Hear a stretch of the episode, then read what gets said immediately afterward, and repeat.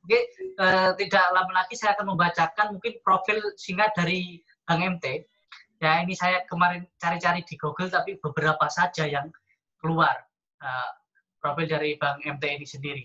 Ya, Bang MT atau Matahari Timur ini beliau adalah seorang relawan TIK juga. Uh, beliau juga dari tutor Engage dulu. Beliau juga bagian dari Kopi Toleransi.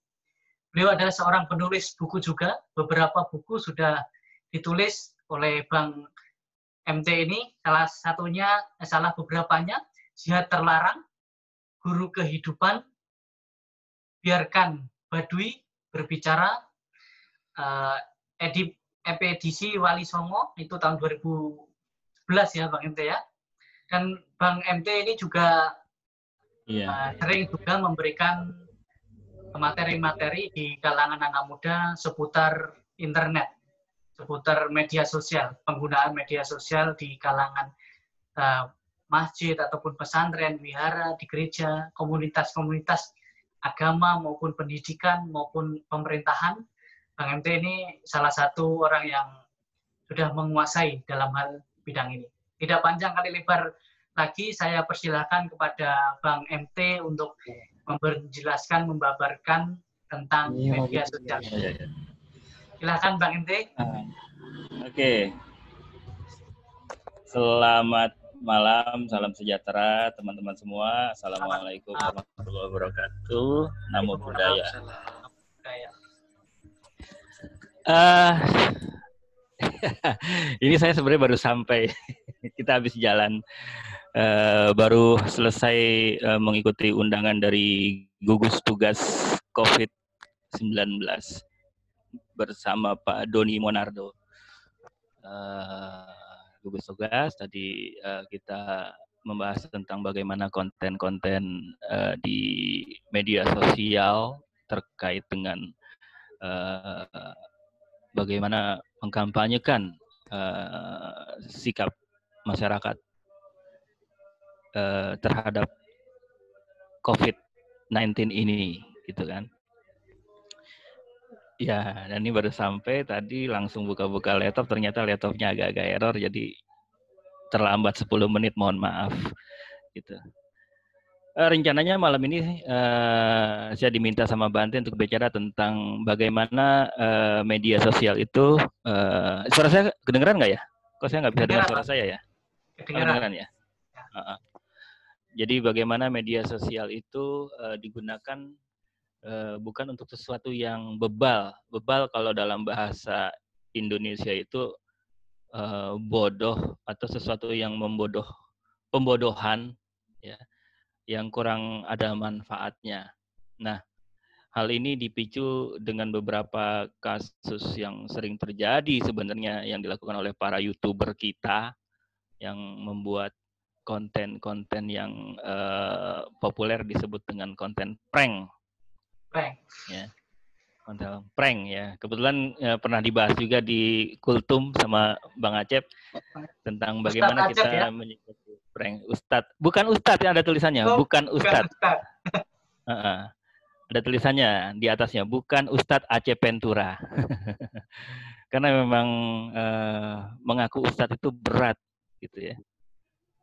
Harus memikul tanggung jawab apa yang dikatakan ya harus dipertanggungjawabkan untuk publik yang mendengar gitu. Jadi Bang Acep nggak berani ditulis bukan Ustadz. Nah, kasus prank ini kayaknya menjadi tren di youtuber kita. Ya, kita uh, melihat yang terakhir lah ini kasus Ferdian Paleka, di mana uh, dia bikin prank, memberikan uh, sumbangan kepada beberapa orang dan salah satunya adalah waria yang isinya ternyata batu dan sampah. Uh, siapa pun orang yang menerima waria atau bukan, ya, anak-anak atau orang dewasa, sebenarnya kalau menurut kacamata etika itu enggak etis, gitu. Karena ya isinya saja sudah sampah dan ternyata ketika dia diminta pertanggungjawaban kenapa ngasih itu uh, jawabannya lebih lebih membuat dia terpojokan oleh netizen. Dia bilang karena ini bulan Ramadan dan dia nggak suka dengan waria gitu kan. Ya, kalau dari kami, dari saya melihat waria juga manusia gitu kan. Itu adalah uh, orang yang memang uh, memilih hidupnya seperti itu dan uh, saya tidak punya keberanian untuk ngejas bahwa itu adalah satu hal yang salah. Di luar uh, itu uh, perbuatan atau konten-konten yang seperti itu value-nya nggak ada, ya. Karena yang harus kita pikirkan, ketika kita membuat konten itu value-nya apa, nilainya apa yang mau kita sampaikan, ya. Konten-konten yang santai sedikit uh, santai pun kayak yang kami buat, saya dan Bang Acep, buat kultum misalkan. Kultum itu kan obrolan yang santai, seolah-olah live, dan itu lebih kepada uh, jenaka ya, hal-hal yang lucu, humor. Tetapi kita menyelipkan nilai kepada para penonton, misalkan bagaimana mereka uh, menggunakan masker, bagaimana mereka uh, menjaga kebersihan, menjaga jarak, dan sebagainya. Dan juga dalam rangka puasa bagaimana berpuasa di zaman COVID. Nanti Lebaran seperti apa gimana nggak mudik ya karena konten uh, kultum kita buat memang uh, konteksnya adalah Indonesia yang saat ini mengalami pandemi konten LDR dulu juga seperti itu. Lenong digital Ramadan. Uh, kita menampilkan obrolan yang lucu tapi sebenarnya ada literasi digital di dalamnya. Kita mengajarkan ke orang-orang seperti apa sih undang-undang ITE, bagaimana sih cara menangkal hoax atau hoax, bagaimana uh, sikap kita kita ketika menemukan sebaran informasi di WhatsApp? Dan itu kita lakukan. Jadi sebagai konten kreator yang mesti kita pikirkan pertama kali adalah nilainya apa, value-nya apa, gitu loh. Nah, berbeda dengan uh, para youtuber kita atau konten kreator kita yang suka ngeprank ya kemarin uh, juga kita dapat informasi lagi ada prank lagi. Sudah lewat sih memang waktunya. Seorang perempuan mendapatkan bingkisan dikasih bungkus sepatu. Kotak sepatu ya kotak sepatu. Dan ketika dibuka isinya adalah mayat bayi. Mayat seorang bayi. Kita bayangkan.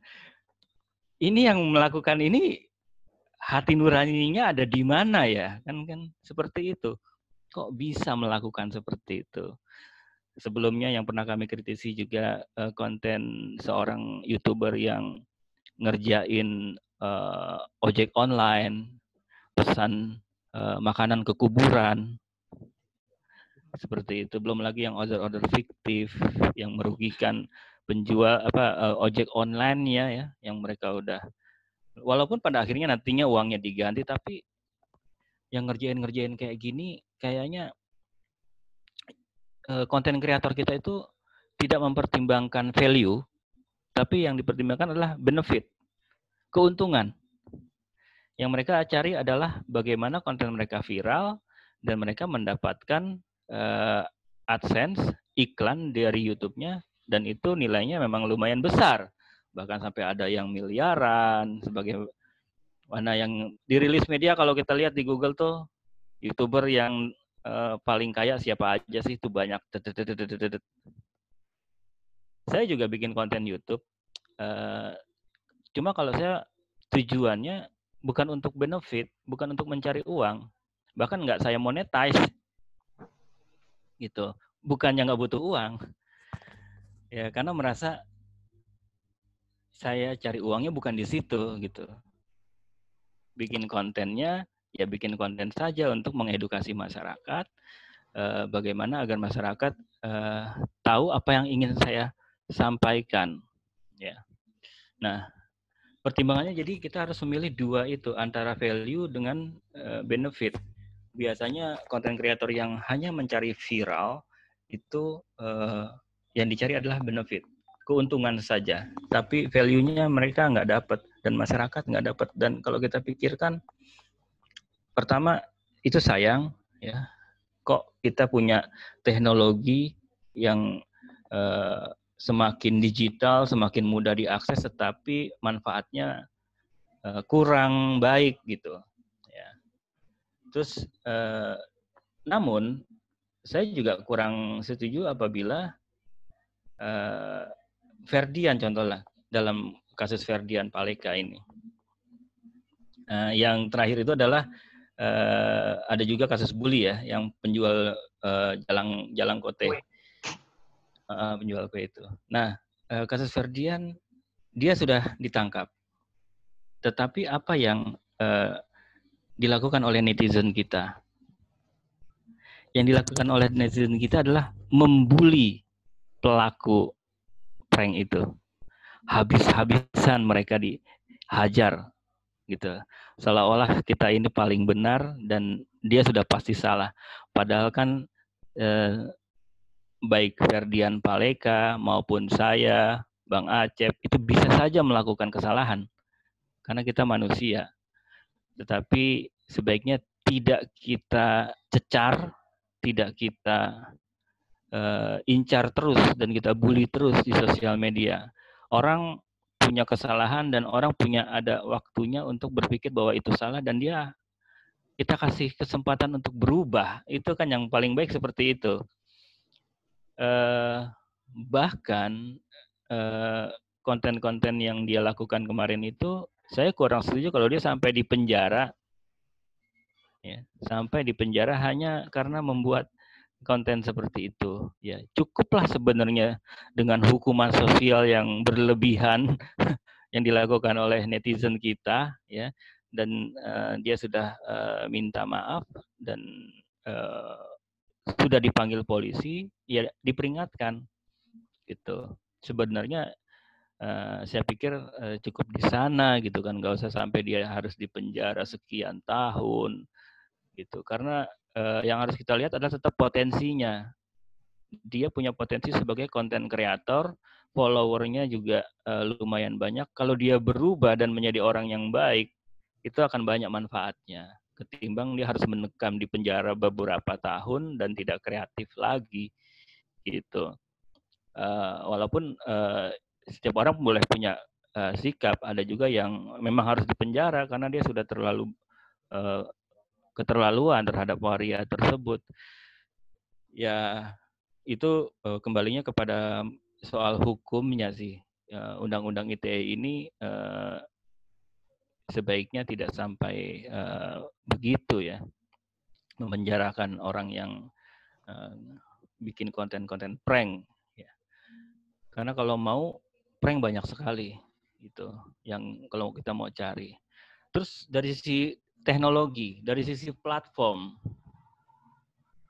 daripada kita membuli konten-konten kreator yang melakukan prank, kita omongin terus, kita incar terus di media sosial, tetapi satu pun di antara kita nggak ada yang mereport konten yang dia buat itu di platform yang uh, dia tampilkan. Misalkan di YouTube yang dia tampilkan. Mestinya kita sebagai netizen punya kesadaran, oh ini konten kayaknya melanggar community guideline. Ini yang suka dilupakan sama Eh, kita yang punya uh, punya akun media sosial, setiap media, media sosial itu punya peraturan yang namanya community guideline. Apa yang boleh dan tidak boleh di-upload gitu. Nah, apabila ada konten yang melanggar community guideline itu, kita punya hak, kita diberikan uh, ruang oleh platform, oleh YouTube salah satunya, Facebook dan Twitter dan semua, Instagram juga bisa, untuk melaporkan konten-konten itu agar konten itu uh, bisa di take down, bisa dihapus oleh uh, platform. Dalam konteks Ferdian Paleka adalah bisa dihapus karena dan dan itu sih sekarang kasus kasusnya sudah di, di, dihapus ya kontennya Ferdian yang prank itu sudah dimatikan, ditutup sama YouTube gitu. Karena memang uh, kita banyak yang melaporkan, kita report dan uh, sebaiknya itu menjadi kebiasaan kita. Ya, apabila kita menemukan konten yang tidak baik, jangan hanya menggurui, jangan hanya memaki-maki, gitu. Apalagi memaki-maki pakai bahasa-bahasa yang sangat uh, kebun binatang, gitu kan. Tapi kita biarkan saja kontennya itu tetap dilihat orang tanpa kita laporkan, ya. Jadi sebaiknya kita laporkan juga agar konten-konten tersebut uh, bisa uh, berkurang dan uh, agar pentingnya sih bukan uh, berkurangnya, pentingnya adalah agar platform penyedia sosial media misalnya YouTube itu peduli juga punya kepedulian bahwa oh ada tuh orang Indonesia yang melaporkan konten-konten yang menurut mereka nggak etis. Jadi platform penyedianya juga uh, atau penyedia platformnya juga jadi uh, menyadari oh ternyata orang di Indonesia kesadaran literasi digitalnya sudah baik. Mereka sudah sadar mana yang uh, perlu dilaporkan dan mana yang perlu di uh, like, di komen, di share gitu. Selama ini kan orang tanya di like dan di share saja kan. Tetapi yang melaporkan masih belum menjadi kebiasaan netizen kita untuk melaporkan sesuatu yang kurang pantas. Nah, e, dari saya sebenarnya segitu aja Bante e, mengajak diskusi tentang bagaimana e, kita lebih care terhadap konten kita karena kita bayangkan apabila yang menon subscribernya ada 10 juta orang yang menonton juga segitu dan satu lagi sih masalah sosial. Ini masalah sosial di era digital kita adalah yang saya pikirkan tapi saya belum tahu jawabannya ya. Saya hanya memikirkan tapi jawabannya mungkin teman-teman bisa menjawab dan ini bisa kita diskusikan. Persoalannya yang saya pikirkan adalah kenapa ya orang-orang Indonesia suka banget nonton konten-konten yang seperti itu. Itu.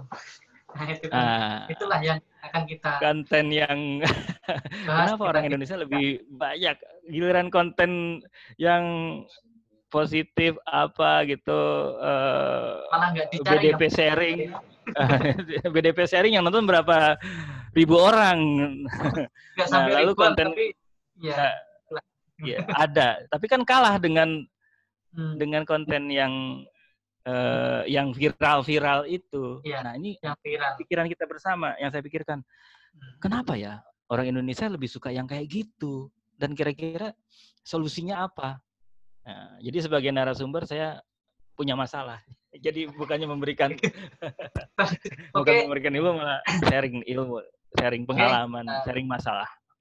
Oke, terima kasih sekali uh, pada Bang MT karena waktunya ini mepet sekali. Seperti biasanya Bang MT, kita akan masuk sesi kedua. Ini saya matikan dulu, kemudian nanti hidupkan kembali. Nanti teman-teman langsung bergabung. Selanjutnya kita sesi yang kedua adalah sharing diskusi, tanya jawab kepada Bang MT. Bagi teman-teman yang sudah bergabung, bisa langsung bertanya pada Bang MT ataupun secara tertulis boleh. Jadi